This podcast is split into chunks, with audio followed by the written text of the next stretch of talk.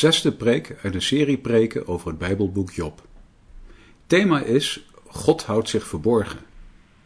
Opgenomen op 20 oktober 2019 in de Noorderkerk te Amsterdam. Voorganger is dominee Johan Visser. We lezen verder uit het boek Job. Niet helemaal waar we gebleven waren. We doen het een beetje thematisch en vanavond gaat het over de verborgenheid van God. We lezen twee gedeelten uit hoofdstuk 6 eerst en dan uit hoofdstuk 13. Dan zitten we nog midden in dat heen en weer tussen Job en zijn vrienden. En twee keer horen we Job. Hoofdstuk 6, vers 1 tot 13. Maar Job antwoordde, en dat doet hij aan Elifas. Hij zei, Och werd mijn verdriet maar eens nauwkeurig gewogen en legde ze al mijn ellende maar bij elkaar in een weegschaal. Want het is nu zwaarder dan het zand van de zeeën. En daarom zijn mijn woorden ondoordacht. Want de pijlen van de Almachtige zijn in mij. Mijn geest drinkt het vergif ervan. De verschrikkingen van God staan tegen mij opgesteld. Balkt de wilde ezel bij het malse gracht, vloeit het rund bij zijn voer, wordt het smakeloos gegeten zonder zout, zit er smaak aan het wit van een ei. Mijn ziel weigert dat aan te raken. Het is als ziekmakend voedsel voor mij. Och, werd mijn begeerte maar vervuld. En gaf God mij maar waarop ik hoop. Was God maar zo goed dat hij mij verbrijzelde, dat hij zijn hand losmaakte en een einde aan mij maakte. Dat zou nog een zou nog een troost voor mij zijn. Ik zou opspringen in mijn droefheid als hij mij niet spaarde. Want ik heb de woorden van de Heilige niet verlogend. Wat is mijn kracht dat ik nog zou kunnen hopen? Of wat is het doel waarvoor ik mijn leven zou willen verlengen? Is mijn kracht soms kracht van stenen? Is mijn vlees soms van brons? Of is er in mij geen hulp meer voor mezelf? Is de wijsheid uit mij verdreven? Dan bladeren we iets verder in hoofdstuk 13. En dan beginnen we bij vers 13 en lezen we tot vers 28. En daar roept Job het eigenlijk weer uit en opnieuw tegen zijn vrienden. Zwijg toch tegenover mij, zodat ik zelf kan spreken. En laat maar over mij komen wat komen. Waarom ik mijn vlees tussen mijn tanden neem en mijn leven in de waarschaal stel. Zie, al zou hij mij doden, zou ik niet hopen. Maar toch zal ik mijn wegen voor zijn aangezicht verdedigen. Ook zal hij mij tot verlossing zijn. Maar een huichelaar zal niet voor zijn aangezicht komen. Luister aandachtig naar mijn woorden en laat mijn uiteenzetting in jullie oren komen. Zie toch, ik heb de rechtszaak uiteengezet. Ik weet dat ik rechtvaardig ben. Wie is hij die een rechtszaak met mij voert? Als ik nu zweeg, zou ik de geest geven. Alleen Doe twee dingen niet met mij, dan zal ik mij niet voor uw aangezicht verbergen. Doe uw hand die op mij drukt ver weg en laat uw bedreiging mij geen angst meer aanjagen. Roep dan en ik zal antwoorden. Of ik zal spreken en antwoord mij. Hoeveel ongerechtigheden en zonden heb ik? Maak mij mijn overtreding en mijn zonde bekend. Waarom verbergt u uw aangezicht en houdt u mij voor uw vijand? Wilt u een weggewaaid blad schrik aanjagen? Wilt u droge stoppels achtervolgen? Want u schrijft bittere dingen tegen mij uit. En u rekent mij de ongerechtigheden van mijn jeugd toe. U legt mijn voeten in het blok en let op al mijn paden. U maakt een teken in mijn voetzolen. En dat bij iemand die veroudert als iets dat verrot. Als een kleed dat de motten opeten. Zalig ben je als je het woord van God hoort en het bewaart.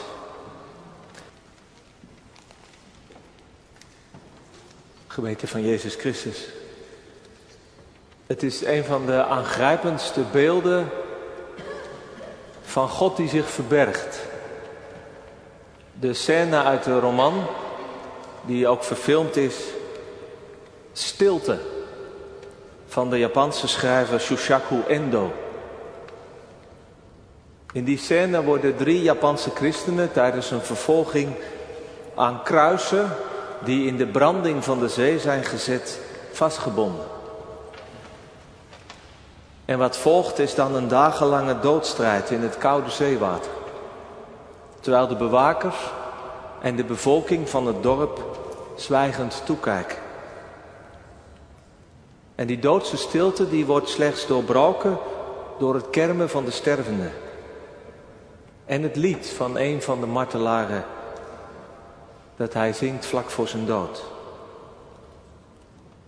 En die vreselijke stilte die is als lezer of als kijker bijna niet te dragen.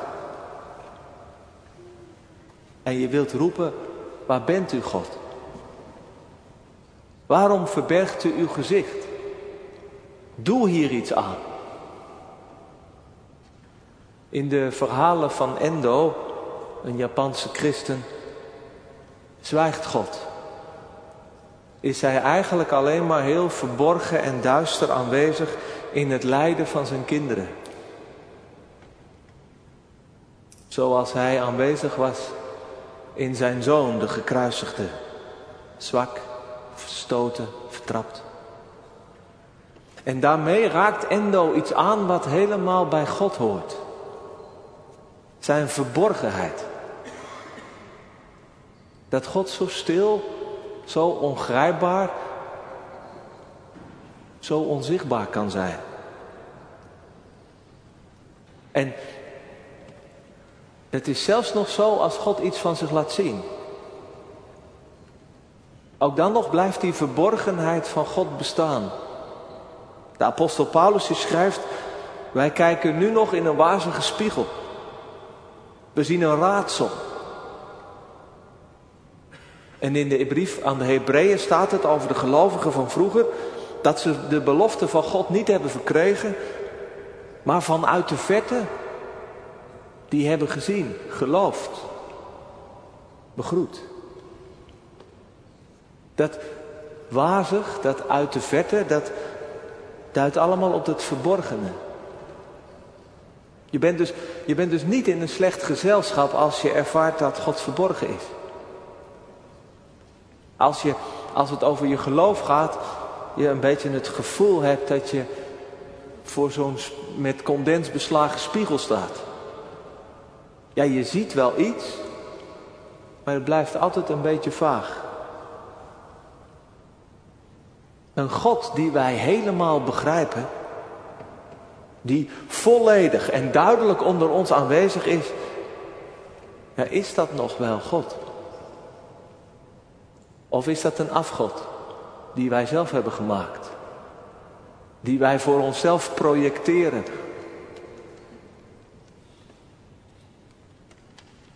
Kijk, ik denk zelfs dat in het leven tussen ons mensen het, het er bij het leven hoort dat je elkaar nooit helemaal kan kennen.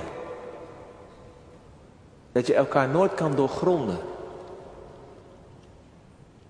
En dat er altijd iets van een verborgenheid in iemand blijft, hoe goed je elkaar ook kent. En dat er soms opeens op momenten een hele diepe eenzaamheid over je kan vallen. Omdat een ander jou niet kent. Hoeveel te meer dan bij God, die zo anders en zo groot, zo ondoorgrondelijk is. Maar ja, ik kan er wel aan lijden. En misschien jullie ook wel. Of u. Het doet toch soms pijn dat God verborgen blijft. Je kunt heftig verlangen naar meer duidelijkheid. En vooral als je God nodig hebt. Heere God, laat u zien. Bewijs uzelf. Open mijn ogen als het aan mij ligt. Alsjeblieft, laat me u zien. Verberg uw gezicht toch niet voor haar of voor hem, voor mijzelf, nu we u juist zo nodig hebben. En zo horen we Job ook spreken. Waarom verbergt u uw aangezicht en houdt u mij voor uw vijand? Vers 23 van hoofdstuk 13. Job zegt, ik zie uw gezicht niet meer. En dat gezicht van God, dat is het goede, lieflijke, vriendelijke gezicht van, de Heer, van, van God. Zoals dat in de priesterlijke zegen uh, zo mooi naar voren komt. De Heer doet zijn aangezicht, zijn gezicht over u lichten. De Heer verheft zijn aangezicht over u. Dat, ik vind het een prachtig menselijk beeld van God. God die zijn gezicht naar je toe draait. En die je aankijkt. En het licht van zijn ogen over je laat stralen. Het gezicht, het aangezicht van God, dat staat voor zijn goede, zijn zegenende aanwezigheid onder ons. Dat Hij erbij is. Hij is er en Hij kijkt ons aan met liefdevolle ogen. zoals zoals een, een, een ouder zijn gezicht naar een klein kind toe buigt. Of zoals geliefden in elkaars ogen kunnen verdrinken. Dat stel ik me zo voor bij dat gezicht van God dat over je schijnt. Maar als God zijn gezicht verbergt, dan is dat allemaal weg. Hij wil me niet meer zien. Hij kijkt me niet meer aan. Hij ziet me niet meer staan. Hij laat nooit zijn gezicht meer zien. Nu leidt dat in de Bijbel en ook bij Job nooit tot een vorm van atheïsme. Dus de, conclusie van nou als we niks meer van Gods goedheid zien, ja, dan, dan zal God wel niet meer bestaan. Het is voor de Bijbelse mens niet voorstelbaar dat er geen God zou zijn. Zoals dat denk ik nu nog voor de meerderheid van de wereldbevolking zo is.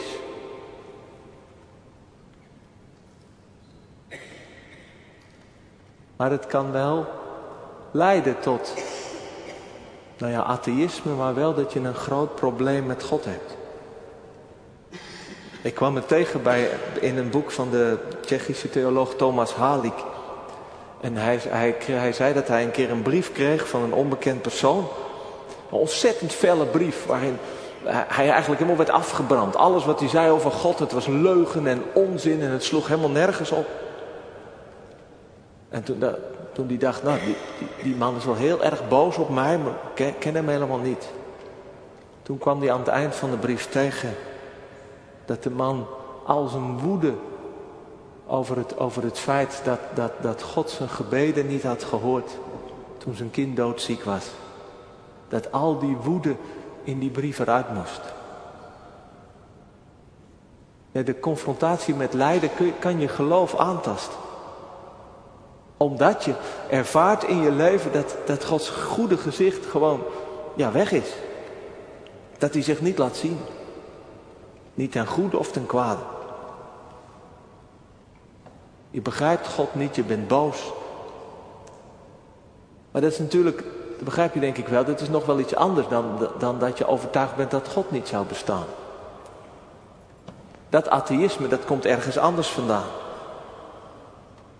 Dat is denk ik in de eerste plaats ja, de religie van voornamelijk westerse mensen die zichzelf wel kunnen redden. En die het als geen probleem ervaren dat God niet bestaat. Zoals Richard Dawkins, een van de grote profeten van dat atheïsme, een hele tijd terug op de bussen in Londen liet zetten. Er is waarschijnlijk geen God, dus maak je geen zorgen, geniet van het leven. Dat is het vrolijke, het optimistische atheïsme. Waar vandaag ook veel mensen mee opgroeien.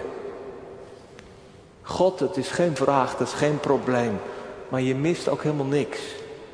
Want we kunnen immers goed voor onszelf zorgen. Aan de andere kant kun je natuurlijk ook zo afgeknapt zijn op religie. Op de dwang, de hypocrisie, de, de angst die je hebt meegekregen. Ja, dat, dat ongeloof, dat dat een verlossing voor je is. Eindelijk vrij. Dat is nog maar de vraag, maar in ieder geval dan wel van die, van die dwang van de godsdienst. Maar er is ook een vorm van ongeloof dat eigenlijk meer een soort van lijden aan God is. Dat te maken heeft met dat God zich zo verbergt dat je hem niet kunt begrijpen, niet kunt volgen. Dat het je zo teleurstelt. En dat je dan denkt, nou ja, als God zijn gezicht voor mij verbergt, dan verberg ik mijn gezicht ook al voor hem. Nu dat laatste, dat zegt Job niet, maar het is wel dezelfde ervaring. En het is niet mis wat hij God allemaal voor de voeten werpt. In dat dertiende hoofdstuk. U schrijft bittere dingen tegen mij uit. U rekent mij mijn ongerechtigheden van mijn jeugd toe. Het is een soort van zeggen, ja, u bent een bittere, nageestige, wraakzuchtige God. U blijft maar terugkeer komen op de fouten van mijn jeugd. Een beetje negatief, altijd zoekend naar wat er mis is. U legt mijn voeten in het blok. U maakt een teken in mijn voetzolen, waarschijnlijk een gebruik wat bij, bij slaven werd gebruikt. U achtervolgt mij als een stolker. U gijzelt me. En dan ook nog erbij, en waar slaat dat eigenlijk op, Heere God? Want wie ben ik nu eigenlijk? Ik ben alles kwijt en ik ben een paria. Als, als zo'n zo'n blad wat we nu in overvloed vinden op straat, een weggevaaid her, herfstblad. Als een door motten aangevreten kleed. En dan maakt u zich zo druk om. En in hoofdstuk 6 horen we hem klagen dat God hem belaagt met giftige pijlen en verschrikkingen. En dat zijn enige hoop nog is dat God er nu een einde aan maakt. Want wat heeft het allemaal nog voor zin? Maar hij blijft in leven. Het gevangen, gewonde muisje waarmee de kat maar blijft spelen. Het is nogal heftig allemaal. Job uit nogal zware beschuldigingen aan het adres van God. En hij beseft ook zelf dat het op het randje is. In het begin van wat we hebben gelezen, hoofdstuk 13, vers 13. Zwijg toch tegen mij, dan kan ik spreken en laat maar over mij komen wat komt. Waarom ik mijn vlees tussen mijn tanden neem en mijn leven in de waagschaal stel. Waarschijnlijk spreekwoorden van, ja, van ik, het is heel gevaarlijk wat ik nu ga doen, maar ik kan niet anders. Op de rand van Gods lastering. Je stem verheffen tegen God. Maar ja, waar kan ik anders nog naartoe en wat heb ik eigenlijk nog te verliezen?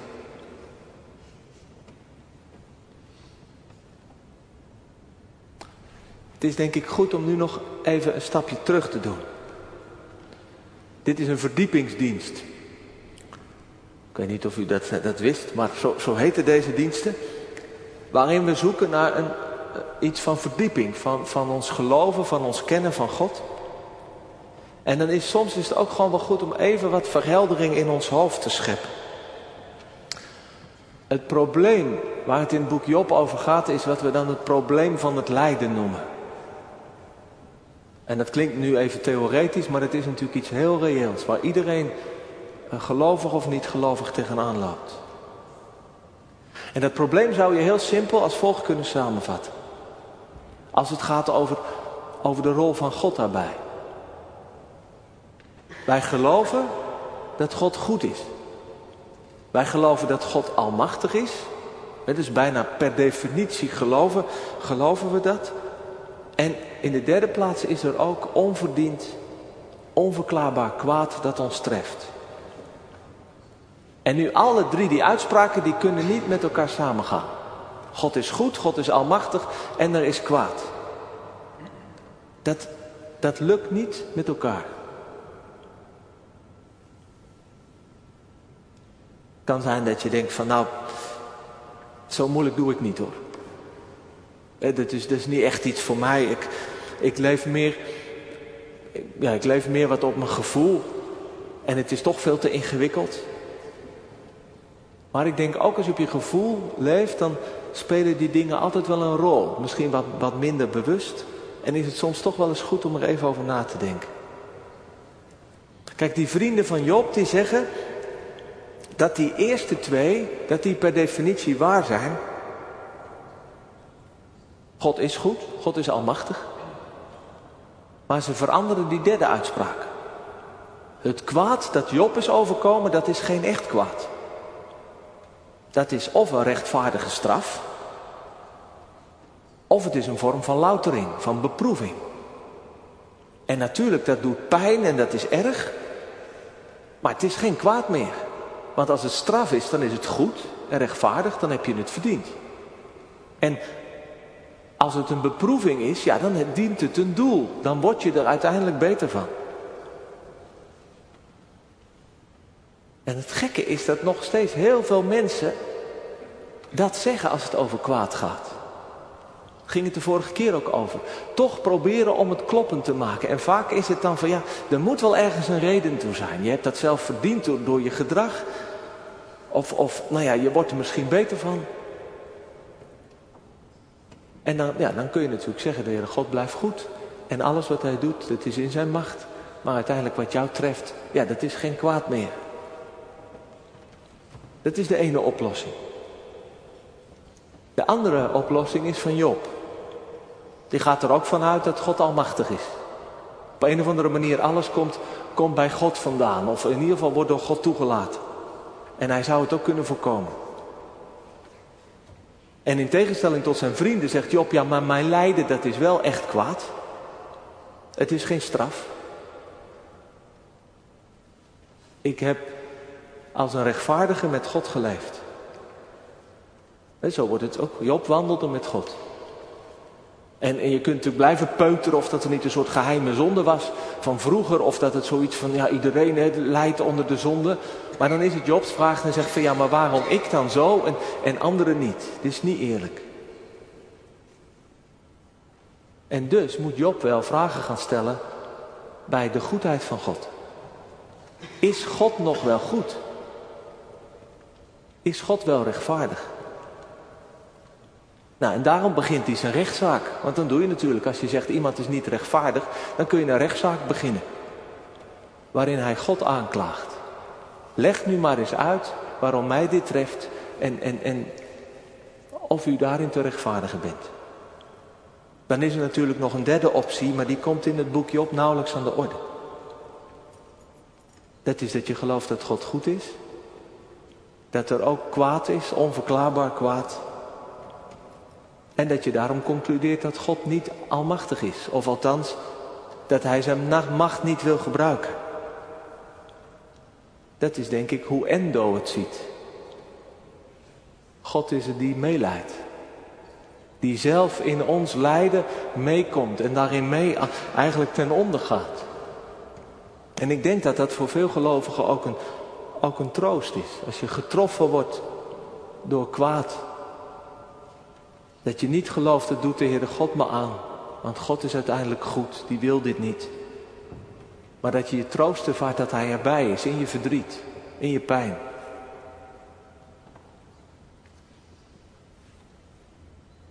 Ik denk, door deze wat verdiepende stap is het denk ik duidelijk dat er geen simpel antwoord is. Al deze drie antwoorden zijn niet, het, niet een van deze drie is het antwoord. Het lijden blijft een bitter geheim. En juist ook de rol van God maakt duidelijk dat, dat iets dat God verborgen is. Dat wij God niet zomaar kunnen begrijpen daarin.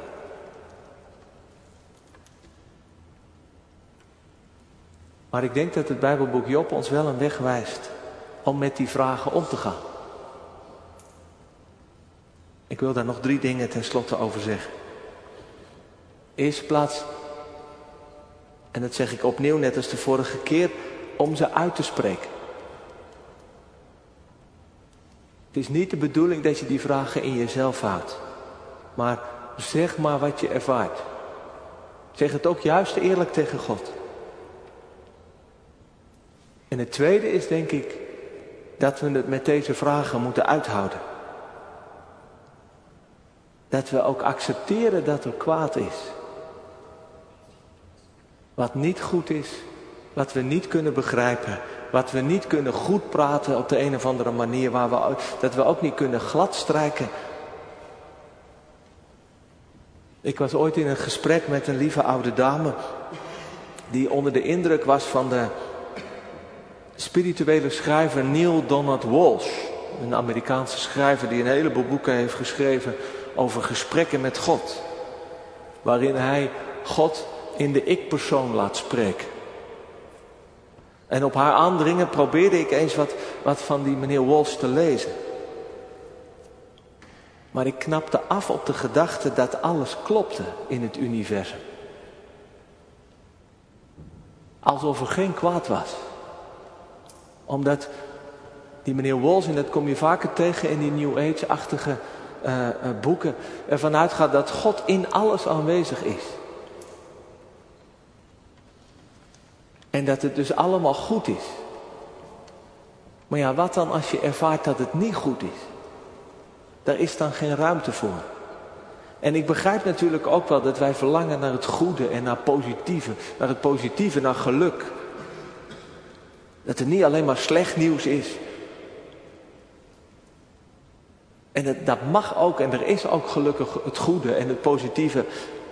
Maar we moeten niet doen alsof, het, alsof er geen kwaad is. Alsof het allemaal wel meevalt. Niet in wat ons overkomt en ook niet in wat er, wat er in onszelf is. Dat is nog een heel ander boek, maar daar gaat het vanavond niet over. En ik, ik denk ook, we, we, als het over geloof gaat, en denk ik ook bij jongeren, eh, tof dat jullie er zijn vanavond met zoveel. En dat jullie ook denken van, dat je graag heel veel duidelijkheid wil hebben. En daar mag je in die zin ook, ook om vragen. En soms denk ik ook wel eens, zo'n boek als Job, dat, dat maakt het alleen nog maar onduidelijker. Maar ik denk, er zijn situaties in je leven, en misschien ken je ze nu al, of misschien kom je ze tegen, of misschien kom je ze wel nooit tegen, dan ben je een gezegend mens. Maar er zijn situaties in je leven waarin je er niet uitkomt met simpele duidelijkheid. En met God is goed en het komt allemaal goed. Dan heb je ook iets diepers nodig. Dan moet je het ook kunnen uit, uithouden met, met moeilijke dingen. Met de pijn van het leven. En dat de Heere God het niet zomaar oplost. Dus dat is het tweede, het uithouden. Dat is uiteindelijk wat Job doet. Een heel boek lang houdt hij het maar uit. Hoe moeilijk ook. En het derde is dat we mogen geloven in de verborgenheid van God. Geloven. Dus dat is niet een soort van concessie van ja, eigenlijk zouden we willen geloven in de, in de duidelijkheid van God. Nee, je mag ook geloven in de verborgenheid van God. Want als je daarin gelooft dat God zich verbergt, ja, dan geloof je ook dat, dat Hij er wel is. En dat er, als die verberging ophoudt, dat zijn gezicht weer verschijnt. Je weet dat er ooit dat gezicht was. Dat lieflijke gezicht dat je aankeek. Of je gelooft daar ondanks alles in. Of je hoopt erop met lege handen, met je bange hart, met je bittere ziel. En dan loop ik een beetje vooruit op wat er gaat gebeuren in het boek Job. Dat Job al zoekend en God aanklagend en worstelend met de God die hij niet kan begrijpen en die hij niet wil goed, goed praten, toch weer dat gezicht gaat zien. Ja, want als God zijn gezicht kan verbergen, dan kan hij het ook weer aan je laten zien.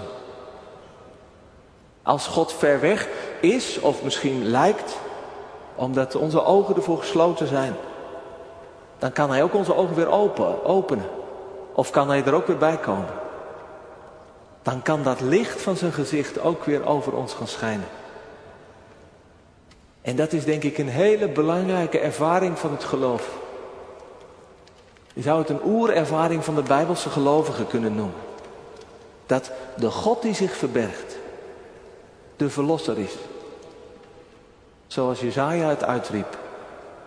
Voorwaar, u bent een God die zich verborgen houdt. De God van Israël, de Verlosser. De verborgene is de Verlosser. En zoals Jezus het aan het kruis uitriep. We hebben het meegezongen. Mijn God, mijn God. Waarom hebt u mij verlaten? En uit dat donkere en verborgen gebeuren, waarin God zweeg, werd de verlossing geboren. Gods verborgenheid. De stilte waarin Hij zwijgt, is nooit het laatste. Het laatste. En dat is wat we geloven, waarop we hopen, waaraan we vasthouden. Het laatste is zijn verlossing.